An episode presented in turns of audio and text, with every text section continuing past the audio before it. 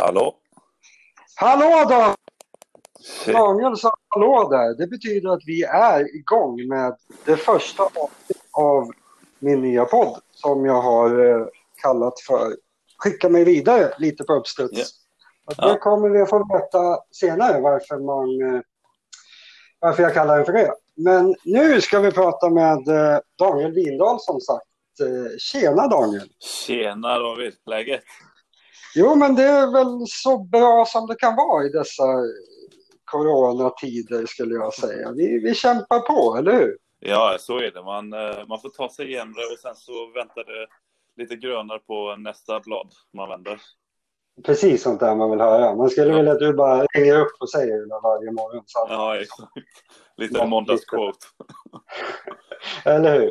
Så vem är du då? Känner ni varandra Daniel? Jag tänkte börja varje avsnitt med att slå fast om jag känner den jag Mm. pratar med. Och vi känner varandra minimalt, men ändå Ja. lite grann. Ja, vi, vi har ju varit i kontakt eh, med varandra under eh, tennistiden och vi har träffat varandra ett par gånger och sådär, men eh, det är ju som sagt eh, ett antal gånger man kan räkna på en, eh, två händer.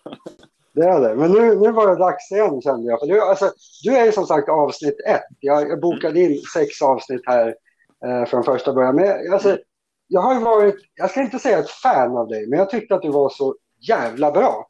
Så det är Mm. därför jag liksom tycker det skulle vara extra spännande att och följa upp det här. Du kan väl berätta lite om din, din eh, tenniskarriär. Du har lagt av nu för ett Ja. antal år sedan. Men Mm. vad, liksom, hur gick det innan dess? Kan du ta en lite kortare tidslinje? Liksom? Ja, det beror på hur långt du vill ha tillbaka. Ja, men du, du, var, du var bland de bästa i Sverige när du var ung, eller hur? Ja, Där kan ja. vi börja. Ja, nej, men jag, jag var väl eh, i toppkanten eh, från att jag var eh, 10-11 år fram tills jag var, ja, tills jag la av eh, när jag var 19-20.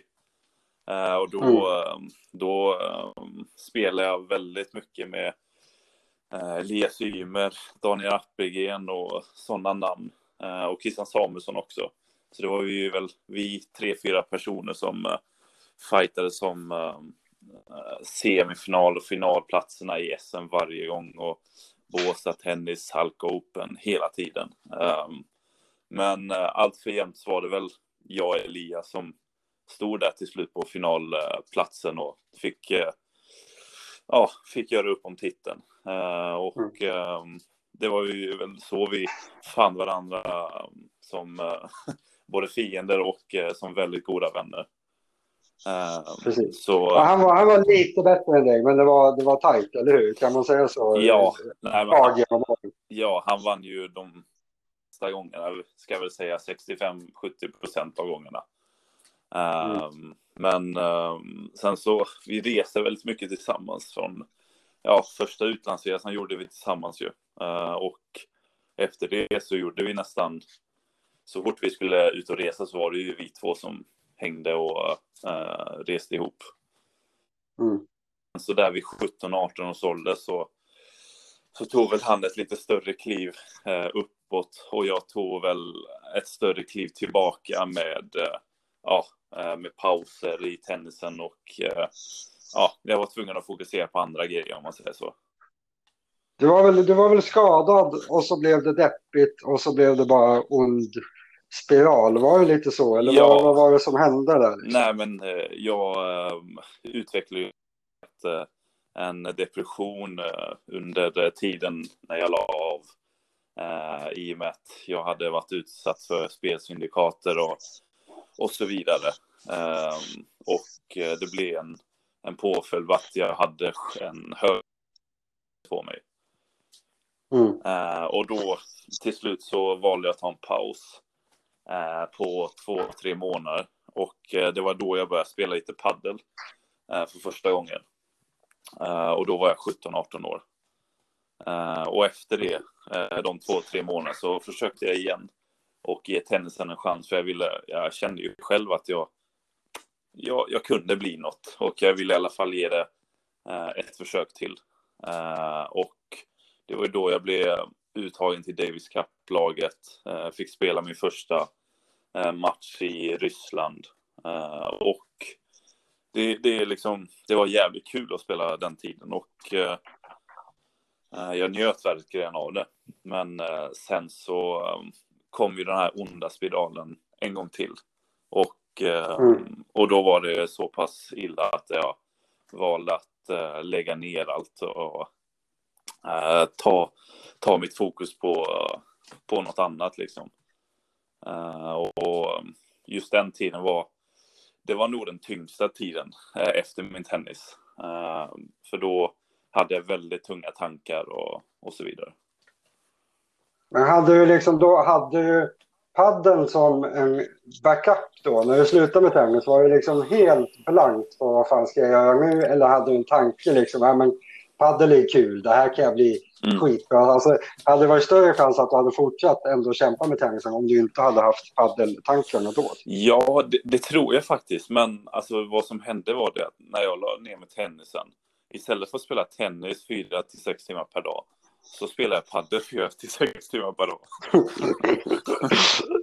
Hälsosamt. Du gjorde exakt samma sak som drog ner i skiten med en annan jacka. Exakt, exakt. Och det är liksom, jag, alltså jag var ju liksom, oavsett om jag hade fått stryk eller vunnit så var jag liksom lika glad där och då liksom.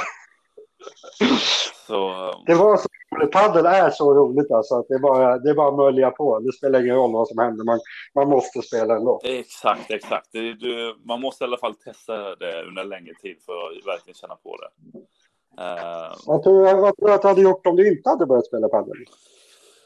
Alltså, det, vad, vad, jag kände att jag hade gjort det är ju liksom definitivt var hjälpt uh, inom sporten.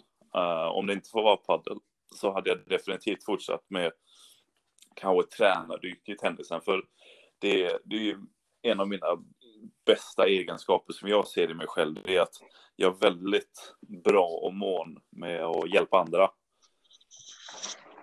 Jag, liksom, jag har förstått att uh, för den yngre typen uh, spelar ingen roll uh, vilken idrott, men jag har fått för mig att jag förklarar för de yngre idrottarna väldigt tydligt och väldigt bra så att de förstår vad de ska göra och så vidare.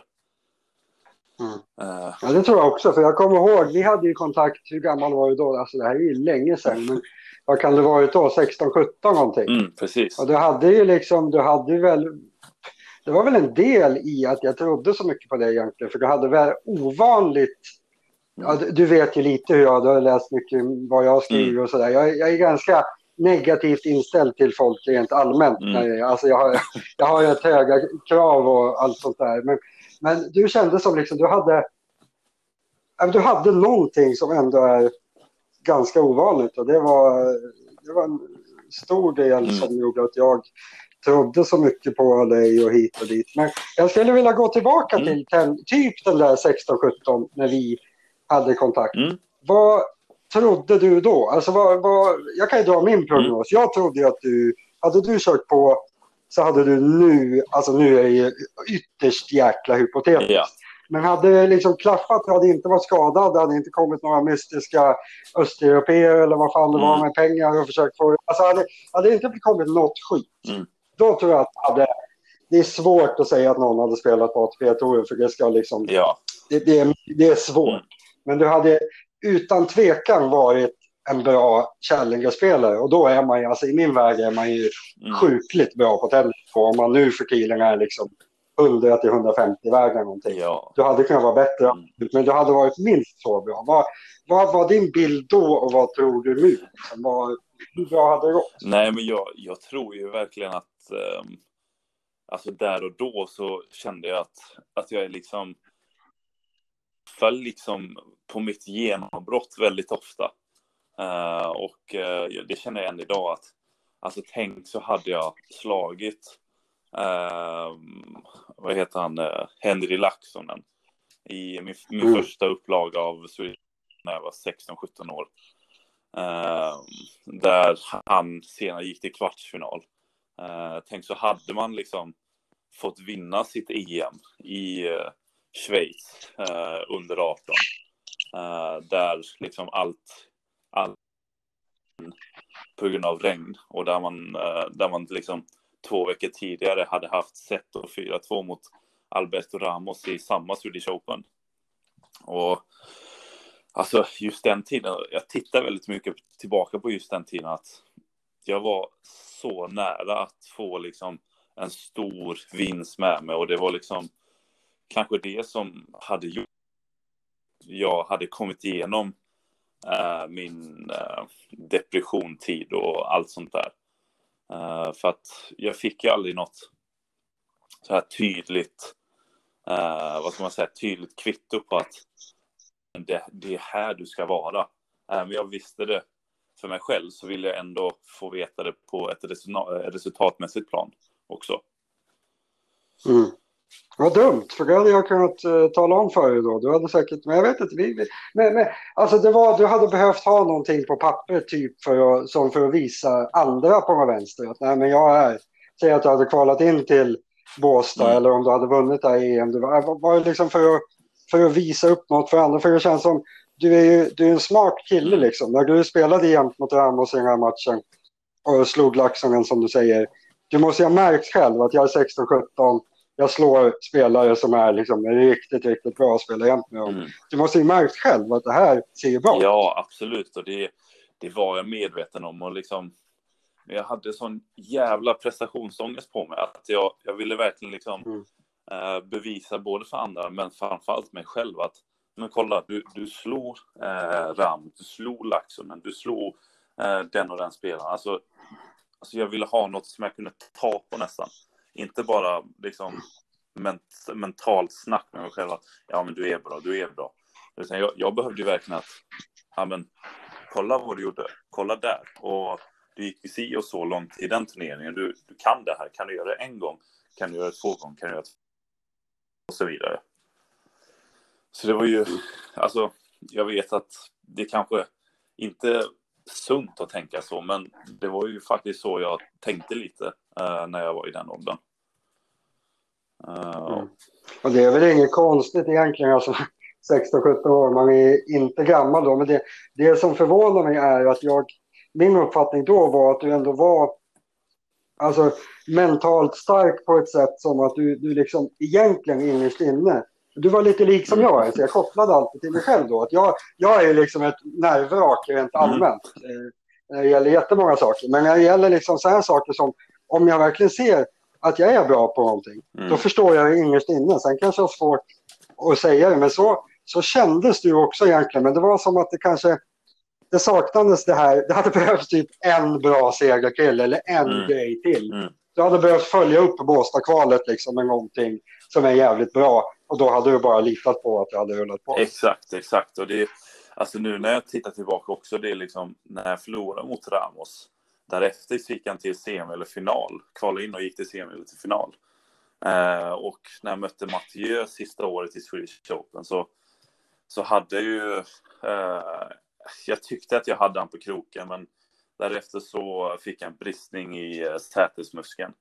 Eh, och därefter så går han och, till final och veckan efter vinner han Kitzbühel.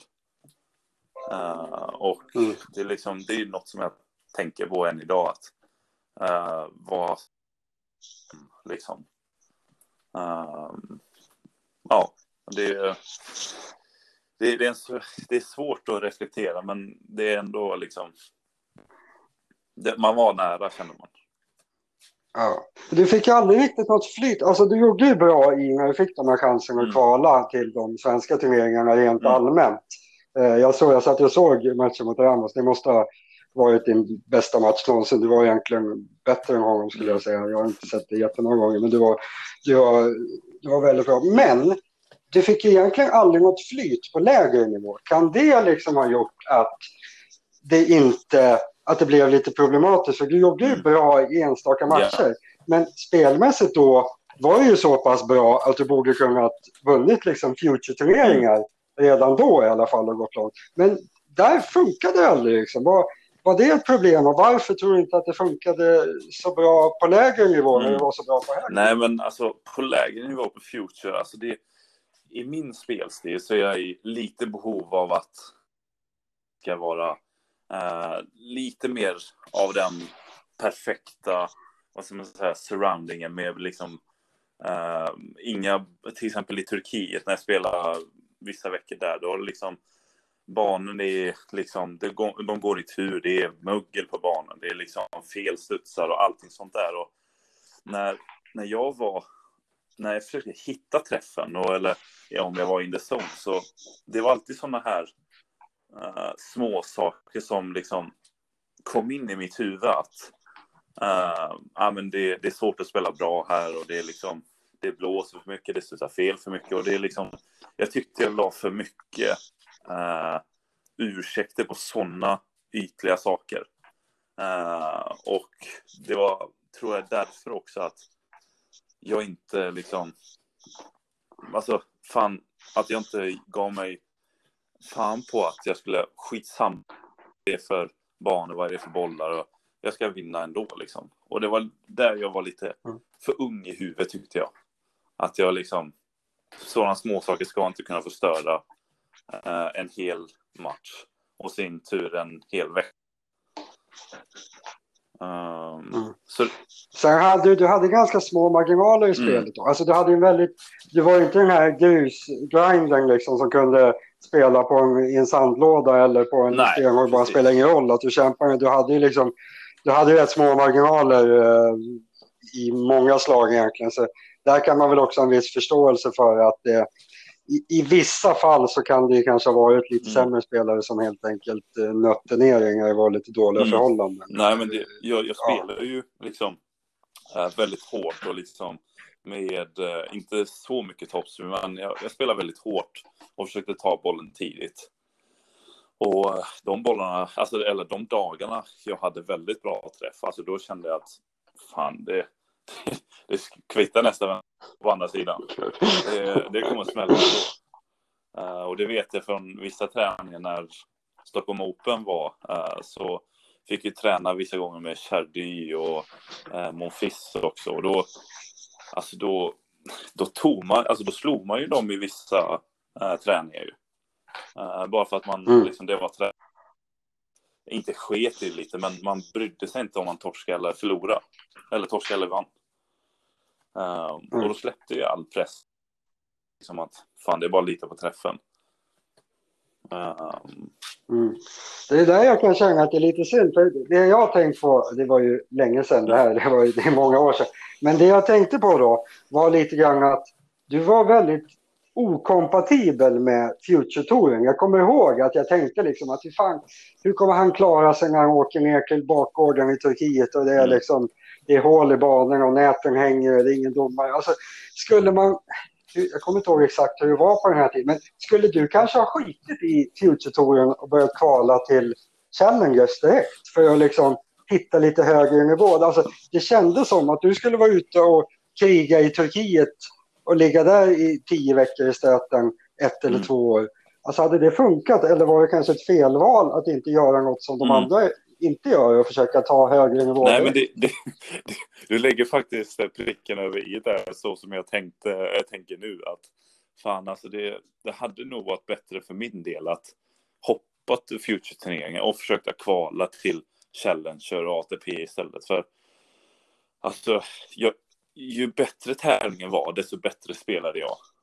Och eh, när jag åkte till Turkiet för tre, fyra veckors tävlande, alltså redan på planet så kände jag att fan, alltså jag kommer inte orka mer än eh, en, dag, eller en vecka i det här landet och på det här stället.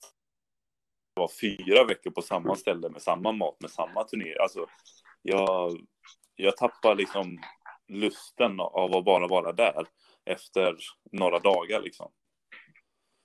Och så där, där tycker jag, eh, där vi sammanconnectar lite, att jag tänkte, tänker nu att det kanske varit bättre att sikta lite högre för att liksom, ja, få chans att spela bättre också mot bättre motstånd. Svårt beslut att ta då mm. såklart, mm. för det var ju väldigt, alltså det är väldigt inrutat tennisvärlden, särskilt om man lever i tennisvärlden som jag aldrig har gjort egentligen. Jag har ju aldrig haft, jag kommer liksom inte från gräsroten så jag, jag kan ju tänka så att nej men varför gör han inte så där istället fast andra gör så.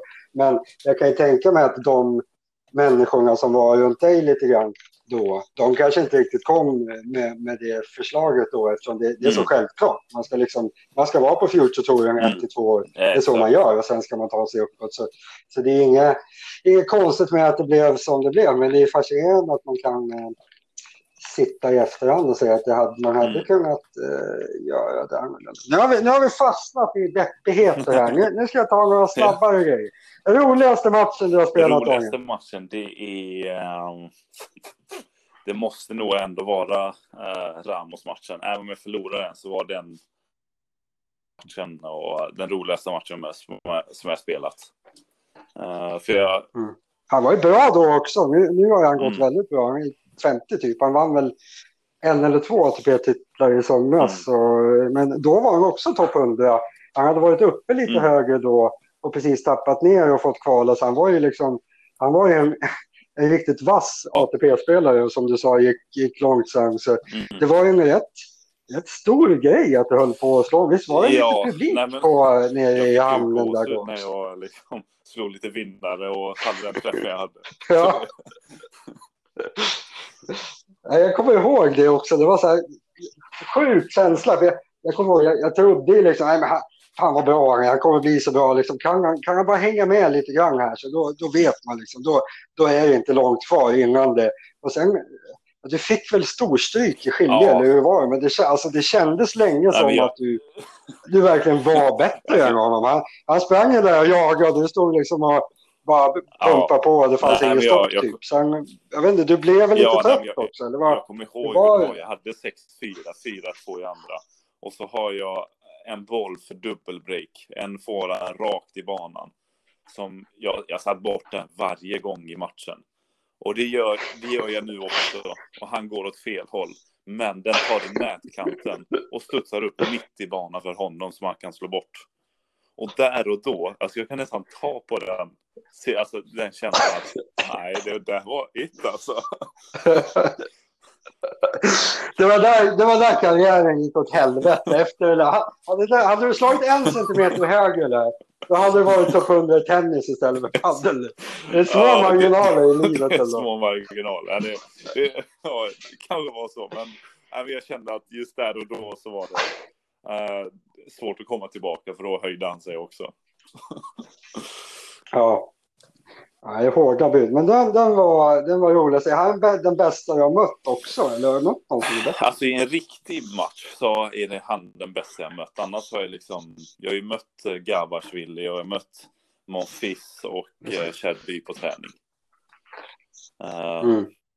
Vilka mötte du när ni mötte Ryssland? Var det Ja. inte Gabashvili vi mötte i Davis Cup? Gabashvili och eh, Kuznetsov tror jag det var. Jaha, ja. ja. Gabashvili var väl Ja, rätt han, bra han var då? Var han, var väl inte topp 100, men han var bra. Där Liksom. och då så var han 33. Men sen så halkade han ner till, till Jaha, var det så? 200. Typ. Ja, eh, han, han, han nöter ju på fortfarande. Jag är riktigt, riktigt dålig ska jag säga. Han är eh, 300 i vägen nu och helt väglös. Han har kört Ja. på i flera år ändå. Robottekniken eh, hinner ikapp. Ja. Han är väl, eh, inte han, Ja. hela han är en robot. Han rör sig som en robot. Knepig, eh, knepig kille. Eh, fan, du, vi, vi betar av mitt schema här utan att jag ställer frågorna. Otroligt bra flyt. Eh, men, men jag skulle ändå, jag skulle vilja, jag har mycket kvar ska jag säga dig, så håll i dig. Men jag skulle vilja ställa dig en fråga. Eh, för du och jag har egentligen lite samma bak. Jag höll på med pingis när jag var yngre och håller på lite fortfarande. Eh, och där blev jag egentligen inputtad så att säga, för mina äldre bröder Mm. spelar, eh, spelade och jag blev liksom, nej men det var man ska inte säga att man blev pressad in i någonting, men det var så självklart att jag började med pingis att det bara blev så. Och sen har det för mig blivit lite så att jag, är ju äldre jag blivit, har kommit fram till att alltså, jag tycker väldigt lite om pingis egentligen. Jag hade aldrig någonsin valt att spela just pingis om jag hade valt idrott själv, utan det finns andra idrotter som jag egentligen alltid har Mm. tyckt mycket Ja. roligare. Eh, dig och tennis, har liksom, var, du, var du kär i tennis eller, var, eller spelade du vidare för att du var bra? Eller var, kände du liksom att tennis är... Ja, alltså, jag kände att liksom, eh, efter jag, eller under tiden jag spelade så tyckte jag om tennis. Liksom, det var ändå liksom kul att titta på på tvn och så vidare. Och sen så när det här eh, dystra tiden kom, då, det var väl då jag liksom, jag vill inte ens se tennis när jag är utanför tennisbanan. Uh, och idag så tycker jag det är jävligt roligt att titta på tennis. Um, till exempel Grand Slam-turneringen eller typ som nu Sverige möter Chile. Alltså det tycker jag är fruktansvärt kul att spela eller se på. Uh, och speciellt när man liksom fortfarande har kontakt med Elias och Mikael och uh, tycker det är liksom kul att det går så bra för dem liksom. Så man, man ja. Ja, det är kul att du har hittat tillbaka så pass, för det var väl annars upplägg för att du liksom skulle ruttna totalt på tennis, men det är, mm. det är kul att du har hittat Nej, tillbaka så pass. Jag har försökt att spela elitserien två år i rad nu. Um, men eh, liksom, mm. då har jag gått in med att jag inte tränat på ett helt år och första gången så hade jag inte tränat på tre år. och uh, Svårt, svårt att älska det då när man ja, känner sig så jävla dålig. Man, eller? man eh, har ju fortfarande den här Ramos-matchen i huvudet och så går man in och tar knappen. På fjärde singeln, nej det är hårda, hårda vad, vad tror du om eh, Ymeranga? Det, det här är den, den ständiga frågan. Mikael har ju slagit igenom Han är ju hur nej. bra som helst.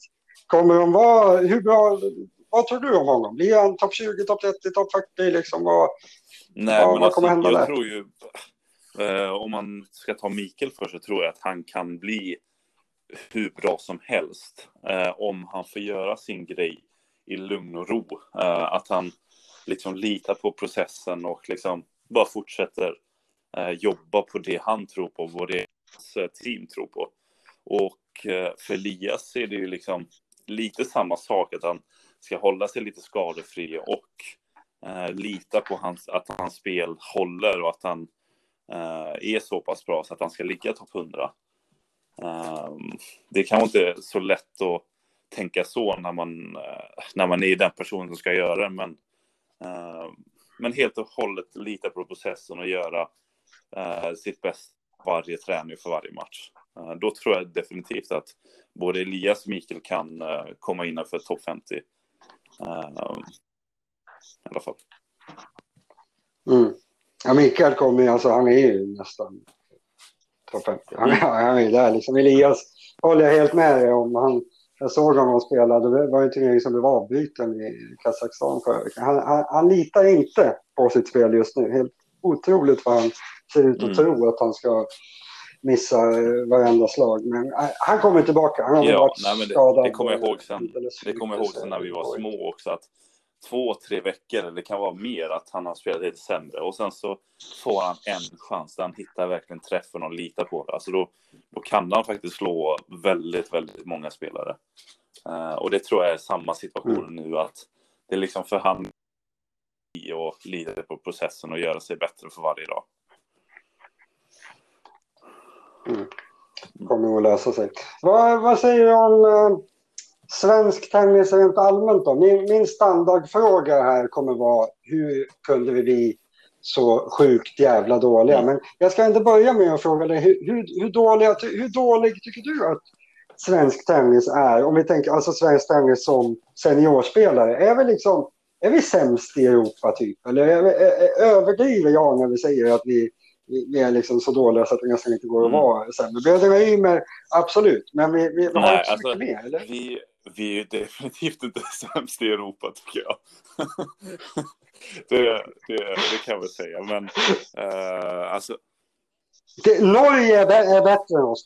Ja, men taget. de har väl bara en Kasper Rud?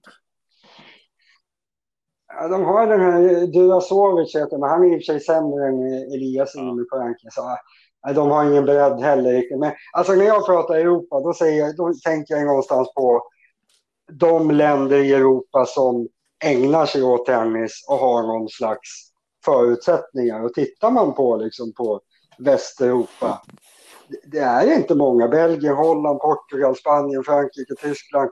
Eh, det är väl här i Norden vi står nej. oss hyfsat fortfarande, men alltså nej, vi är inte med. Jag, när, jag, när, jag, när, du säger så så tänker jag väl väldigt mycket på dem i min egna ålder och runt om där som ligger liksom runt 7, 8, 600 som har legat här ett tag också. Uh, och jag vet ju mm. kan spela jävligt bra tennis. Men det, det känns lite som att, uh, jag, nu vet inte om det är riktigt så, men när jag spelade så att man blir trött på liksom att åka till exempel till uh, England tre veckor, eller Turkiet fyra veckor, eller Egypten fem, fem sex veckor. Att det bara det tog musten ur en liksom. Uh, och jag, jag, tror man liksom, för de spelarna som gör det nu, att de måste liksom verkligen, för de turneringar de ska spela, de måste de gå in 100 procent och inte liksom gå in uh, halvhjärtat uh, och uh, göra det för att det är deras jobb. Utan det, det, handlar väldigt mycket om den mentala kapaciteten att man ger sig fan på liksom att nu jävlar ska jag ge detta 100 procent och det ska inte vara någon halvdant liksom. Jag ska ge det liksom både kosten, både träningen, både matcherna 100 procent liksom. Uh. Men är det, är det något svenskt liksom? Här känns det som vi, vi, om vi ska ta det här som någon slags slutsats, det är sjukt svårt att förklara varför det inte är så för alla andra också. Ja, vi, har, vi har dåligt med turneringar här hemma. Men säg att vi hade liksom åtta futures mm. på ett år. Vi, alltså, ja, absolut, men vi skulle likförbaskat behöva åka till Turkiet och Tyskland. Eller kanske varför åker man till Turkiet, Daniel? Varför åker man inte ner med bilen till Tyskland och åker runt där några veckor? Alltså det behövs, så nej, svårt nej, behöver alltså, det inte vara. Turkiet är ju fantastiskt billigt. Liksom. Uh, vad, vad, betalar du? 25 euro per mm. dag. Då får du både frukost, lunch och middag. och, uh, ja, det är exakt. rätt okej okay, i och för sig. Det, det är ju liksom väl investerade pengar om man skulle åka till Tyskland eller Frankrike och sånt där och liksom som är lite mer av en tennisnation. Uh, som, ja, jag tror det hade gjort många mycket bättre. Uh, och att de inte mm. är ute för länge. Uh, att de är liksom, de kör Precis. två veckor eller tre veckor och sen så ska det vara hem två, tre veckor uh, eller något sånt där. Eller att man liksom varvar upp med liksom turneringar mm. på hemmaplan och sådär. Um, för jag tror det, är många, det tar knäcken på många tennisspelare, svenska tennisspelare som kanske inte har uh, från början uh, kämpat, om man säger så, utan är um, potentialen på köpet och så vidare. Uh, och det är väl det som jag tycker att Elias och Mikael sticker lite ut, att de har väl fått kämpat från början och sen så um, har de fått hjälp på vägen men samtidigt fortsatt och kämpat och eh, liksom litat på processen och inte liksom lutat sig tillbaka och litat sig på eh, sin liksom. Utan de tycker båda har kämpat mm. väldigt mycket hela tiden. Precis, men, men det där känns som, det, absolut, det där kan jag hålla med om. Jag, jag, tycker inte heller att alltså, åka till Turkiet i fyra veckor, det blir som en blandning av liksom, eh, charter med grabbarna och straffarbete. typ. Det blir liksom, det blir konstigt på något sätt att, att åka iväg så långt. Man bor väl på, på mm, liksom, resortsen där antar jag också när, när de är stängda annars. Konstigt liv, så jag, den, den förstår jag att det är tufft. Men, men om man går tillbaka ytterligare lite, alltså du har ju ändå hängt med i själva utbildningen av yngre spelare mm. genom landslagen och, och sådär. Alltså, skulle du säga att allt du har fått med dig där har varit bra eller kan det vara någonting där? Jag vill ju fiska efter varför inte få fram fem spelare som i alla fall är topp 500 som i min värld alla mm. andra länder har. Att liksom, gör vi någonting grundläggande fel för att inte få fram en mängd spelare alltså, som är hyfsade. Jag, jag kommer ihåg när eh, jag reste runt eh, från jag var 12 till jag var 17-16. Att jag såg ju liksom Borna Koric, Karin Kachan Danny Medvedev, eh, Christian Garin, eh, alla de liksom. Alltså, de bodde ju på banan för fan. Alltså, det, de, eh, mm. Jag kommer ihåg en resa till England där jag såg Borna Koric för första gången. Alltså jag, jag skojar inte, han var på banan åtta timmar liksom och liksom om han lämnar banan det är för att han skulle sova, gå på toa eller äta. Um, och annars så är det liksom mm. och så, så, så som jag såg dem, det, det, var ingen annan tennisspelare från Sverige som gjorde det. Alltså de, jag, jag, jag har inte sett det. Alltså, jag, jag såg det lite i Mikael och Elias och i mig själv såg jag det definitivt inte. Det, det kan vara upp och ärlig att säga liksom en, mm. de, de brann verkligen för tennis, alla de här Karen, Danil och Borna, Chris. Alltså det, det, det, var, det var deras plan A, de hade ingen plan B liksom. Mm. Ja, det är otroligt intressant faktiskt. Det, det känns ju, oavsett om det gäller ungdomar eller kanske ledare, så att det känns som vi här, här har vi väldigt väl inrutat typ att nej, men vi, vi tränar. Jag reagerar faktiskt på det när vi mm. skrev lite med varandra igår. Då sa du, jag tränar padel 9 till 11 på dagarna. Jaha, men vad fan gör du i övrigt liksom? Nu, mm. nu, vi ska komma till din padel snart, så då kommer jag säkert fråga dig om det då. Men, alltså, kan det vara ett problem att när det gäller ungdomar i Sverige och även hela vägen upp, man sätter liksom två timmar tennis eller tre timmar tennis, mm. då ska du träna. Och sen förväntas man göra andra saker. Eller liksom, då, då ska man, medan de i andra länder, som du säger, de, liksom, de åker ner till tennisbanan när de är 13 och så mm, kommer de precis. därifrån när de är 17. Typ. Att, det är, att det är en skillnad där. Att vi Nej, men alltså, I Sverige så har vi liksom så många möjligheter att liksom kombinera tennis med eller liksom att blir det en tennis då kan jag liksom bli tennistränare på eh, till exempel eh, Salk eller Kungälvs tennishallen och få liksom en, en bra lön och det är liksom jag kan levnära mig på det och liksom jag kan åka med damspelare, jag kan åka med ja och så vidare. Så jag tror det är liksom den tryggheten gör att man eh, känner, nu vet jag inte, men att man känner att nej, det är, jag har ändå en plan B, så det, det är lugnt en plan A skiter sig, men jag ska ge det ett ärligt försök. Lite den mentaliteten. Och för de andra som, mm. som jag tänker nu på, det är liksom Karen och alla de som har blivit topp 100 och topp 200. För dem var det liksom, det är plan A, eller så får jag bli liksom uh, vaktmästare på någon idrottsskola i liksom uh, Sankt Petersburg. ja. Ja, det är lite, lite hårdare. Jag kommer ihåg, du sa någonting, jag kommer ihåg när det gäller Kasango förresten, jag ska avbryta där. Visst fan var det så, jag kommer ihåg när vi satt och pratade om honom, du var chockad när han vann sin första ATP-match där. Du tyckte inte att han var så här, var han, var han superbra när ni var yngre, eller hur var han? Ja, nej, alltså jag, jag har ju plusstatistik på honom. så jag, jag tyckte inte han var ja. jättebra. Men liksom, han tränade ju fruktansvärt mycket och det är liksom samma med, med Medvedev. Jag tyckte inte han var, alltså han var ju bra, men han var inte i den kalibern jag trodde att nej, han kommer bli topp 10. Det är...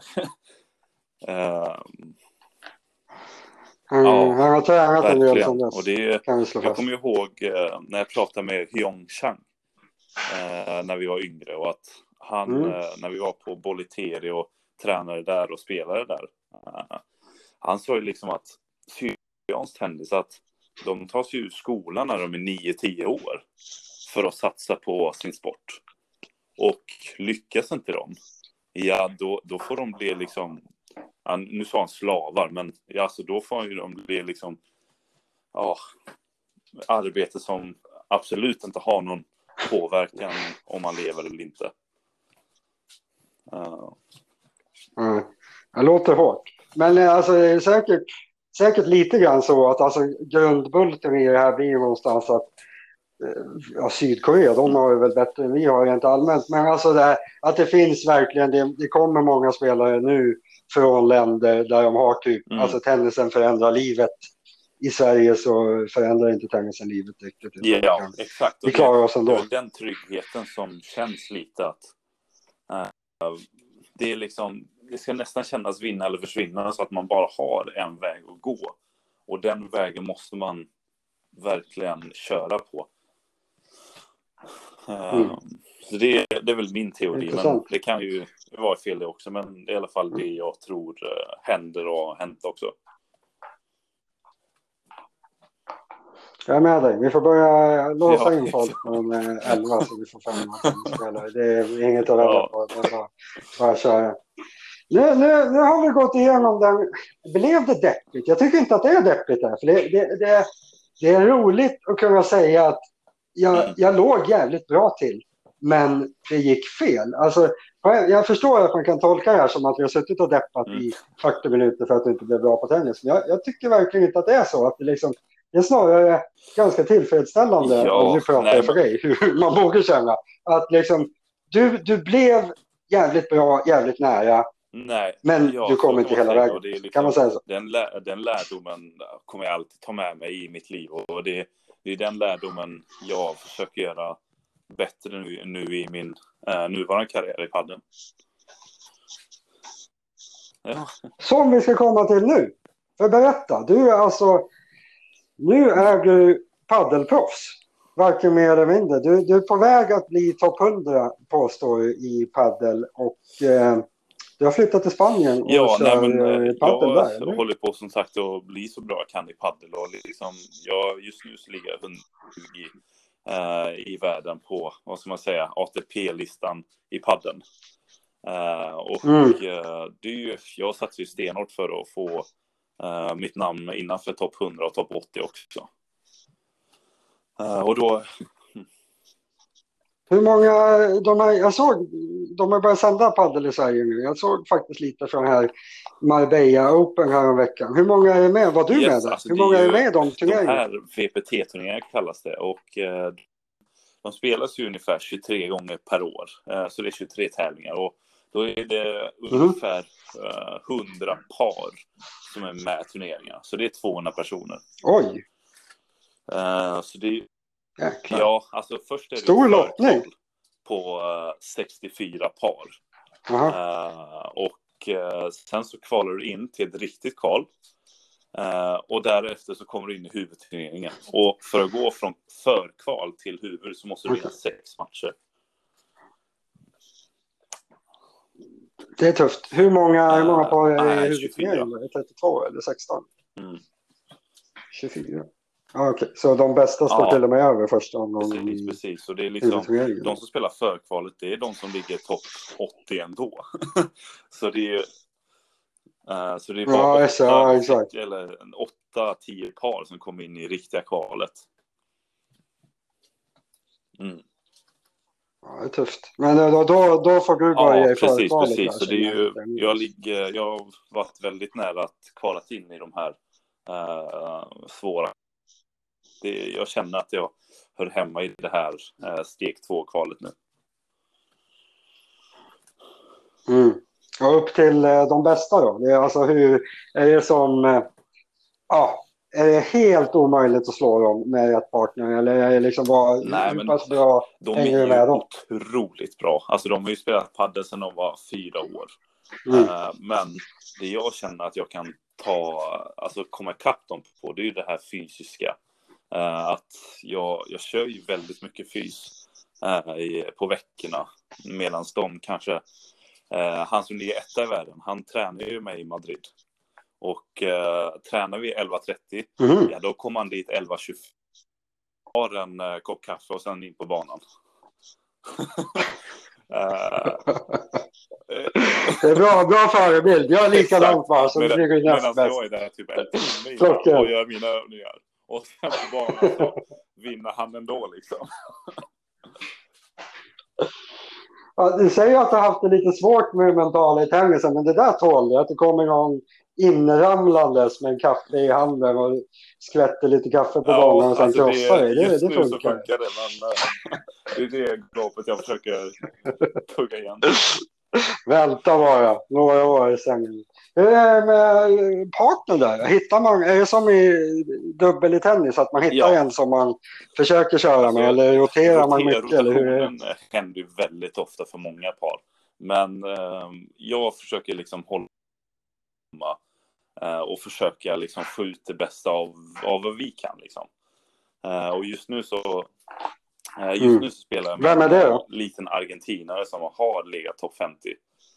Eh, som eh, jag ska försöka hela Mm. detta året med. Eh, och jag, jag tror verkligen att vi kan pressa oss upp till topp 100, topp 80 också. Men tränar ni på samma ställe då? Eller kör han Mm, någon nej, men- annanstans? och nej, men han bor ju lite utanför Madrid och jag bor ju eh, lika där också. Eh, så vi okay. försöker träna med varandra eh, innan turneringarna och eh, få så blir samspelta och så vidare och lägga ut taktik och sådär. Um... Mm. Vad, vad är första målet, alltså för att komma in? Vad har du för rankingmål? Bli topp 100 spelar typ ingen roll då, för du får ja. fortfarande spela förkvalen. Vad är liksom, vad är målet Nej, men det, för att Mitt mål är topp 80, för det är då man slipper eh, förkvala ju. Um, och det är då man, spelar man okay. med en kille, med en partner som ligger topp 80, då kommer man in i kvalet. Uh, och det är ju mitt mål, att uh, jag ska mm. Bygga upp en sån stor uh, spelare i mig själv att folk skulle vilja spela med den spelaren som är på väg upp. Uh, för det gör väldigt mycket att mm. oavsett om man vinner eller förlorar så man visar en image på att, uh, på att man är en vinnare och det är då man kanske får byta upp sig om ett, ett två år till en bättre spelare. Mm. Det är lite, lite, lite annorlunda på något sätt, men det är lite krig för mm. dels så spelar man med sin partner, men på den där nivån spelar man också liksom för att nej, men, eh, synas för kollegorna typ, så man ska bli mm. upplockad Precis. av någon bättre typ. Det är liksom, mm. det är också något man har liksom, i bakhuvudet. För mig är det liksom att jag måste ju välja mellan att uh, lyckas uh, och bli så bra jag kan internationellt eller om jag vill, om jag vill satsa för att få bli uh, bäst i Sverige. Och det, att välja mellan just nu ju. I och med att internationella turneringar går mm. samtidigt som de svenska turneringarna. Ja. Okej. Okay.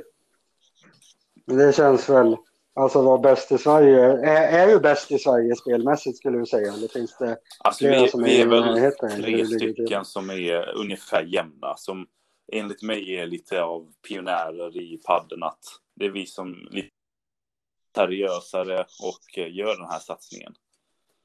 Uh, men uh, ja, alltså det, det, är inte en schysst fråga.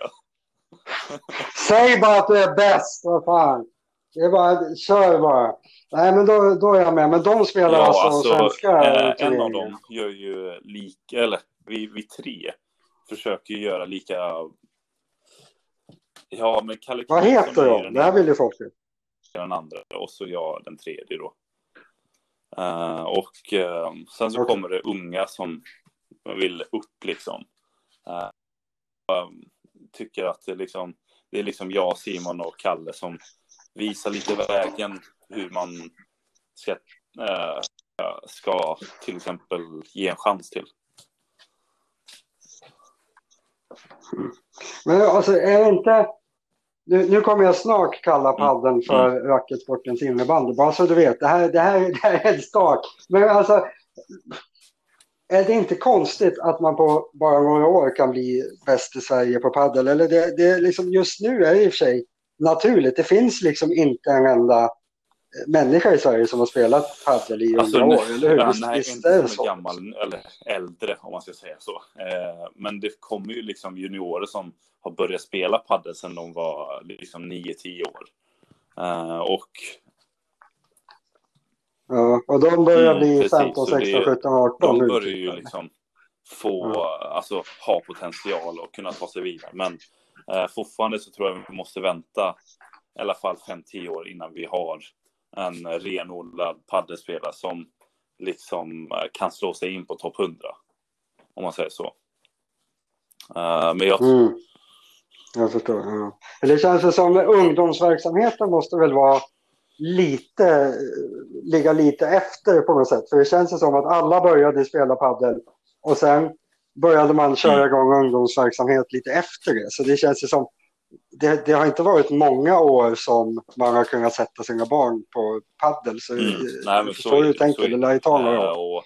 det vi, Sverige ligger ju lite efter, men uh, jag tror definitivt att vi uh, gör något väldigt bra av detta i Sverige. För det kommer växa lavinartat och det gör det redan. Och eh, i Spanien så är det ju liksom efter ja. fotboll så är det ju padel eh, på ungefär 5-6 miljoner utövare. Mm. Så det, det kommer bli väldigt stort tror jag. Ja. Mm, vi får se. Bara, jag, jag är lite så här, jag tycker att det är mm. roligt. Jag tycker det är väldigt roligt att spela padel. Det är därför jag brukar kalla det för, för racketsportens innebandy. För innebandy är superroligt att spela på. Men när jag, jag bor ju, har ju alltid bott i Uppsala. Vi har, det är så här innebandystad med Storvreta och Sirius. Men det är så jävla tråkigt att kolla på innebandy. Alltså jag, det går inte. De, de är, det, det, blir inget spel, de är för bra. Padel, inte riktigt. Det, man ser att de som, jag kollade som sagt på den här Marbella. Open, de är sjukt, sjukt bra. Men det är nästan som att de, de är så bra att det blir lite grann enformigt. Du som liksom är, du älskar ju padel ganska mycket mer än vad jag gör. Tycker, tycker du att det är liksom, står sig topppadel bra som typ ja, tv-sport alltså, eller tittarsport? Det är en väldigt rolig tv-sport, det är det ju.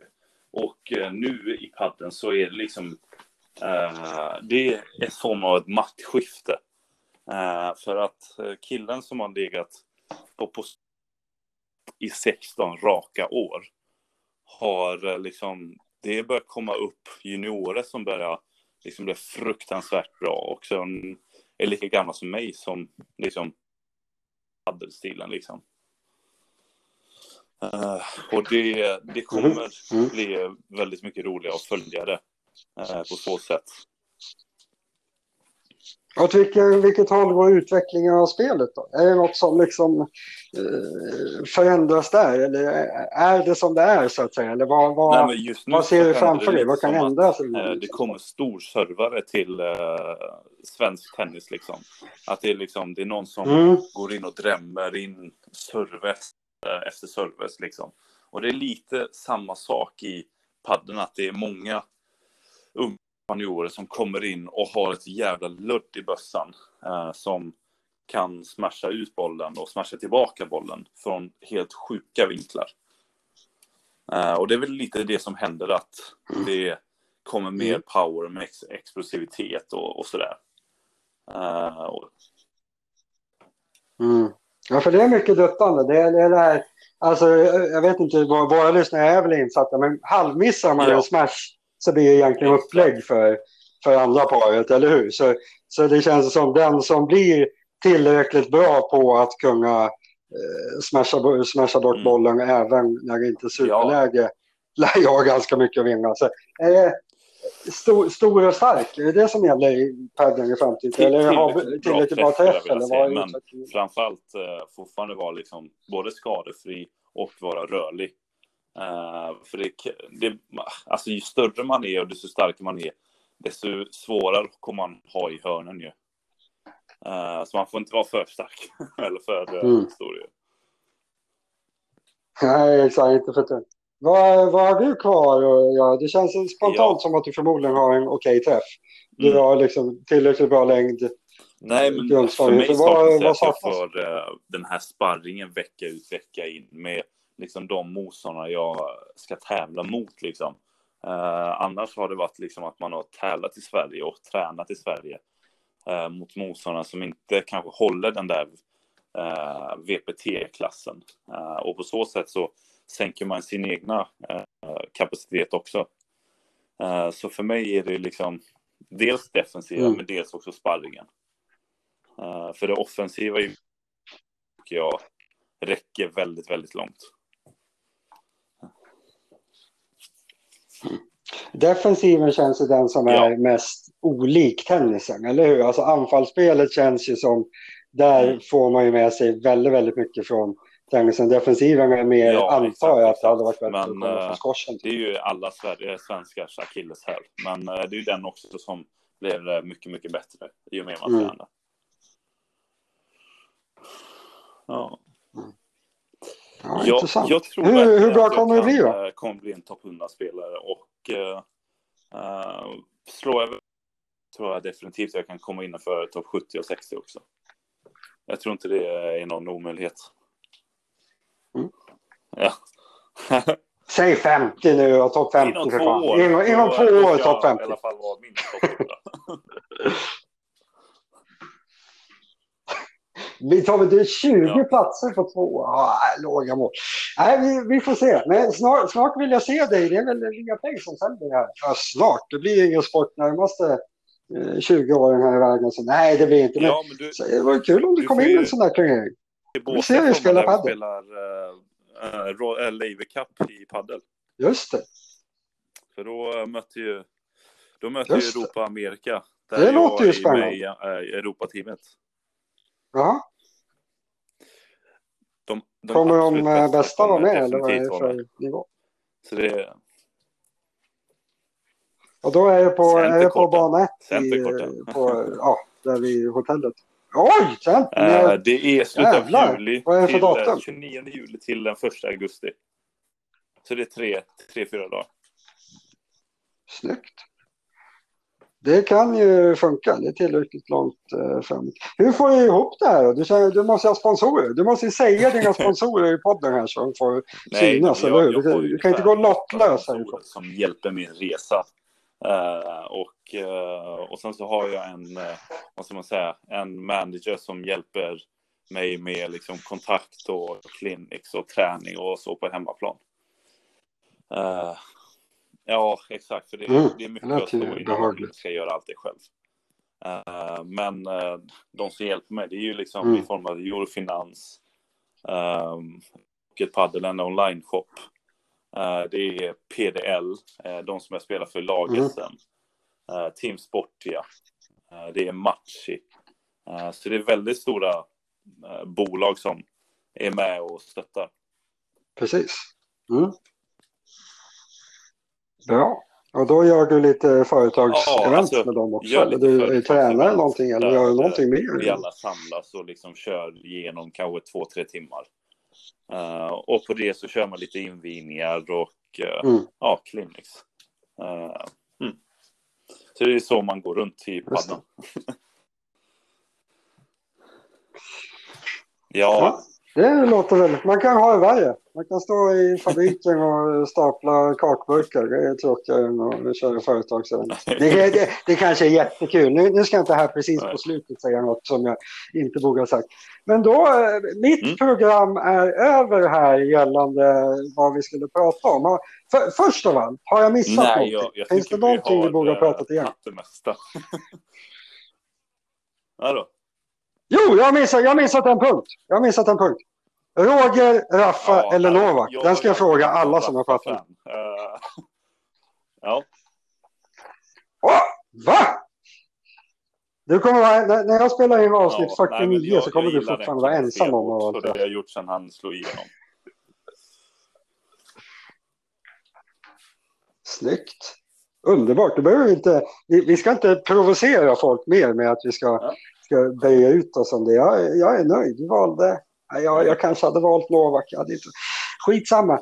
Eh, och så sista punkten. Jag har ju tänkt mig att det här ska Mm. funka så om jag bara sitter och väljer hela tiden vilka jag ska pr- prata med, då kommer det bli Mm. inavel. Jag kommer bara ta dem som det är liksom Mm.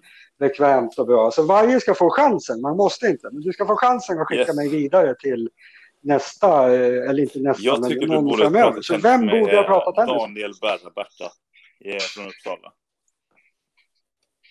Mm.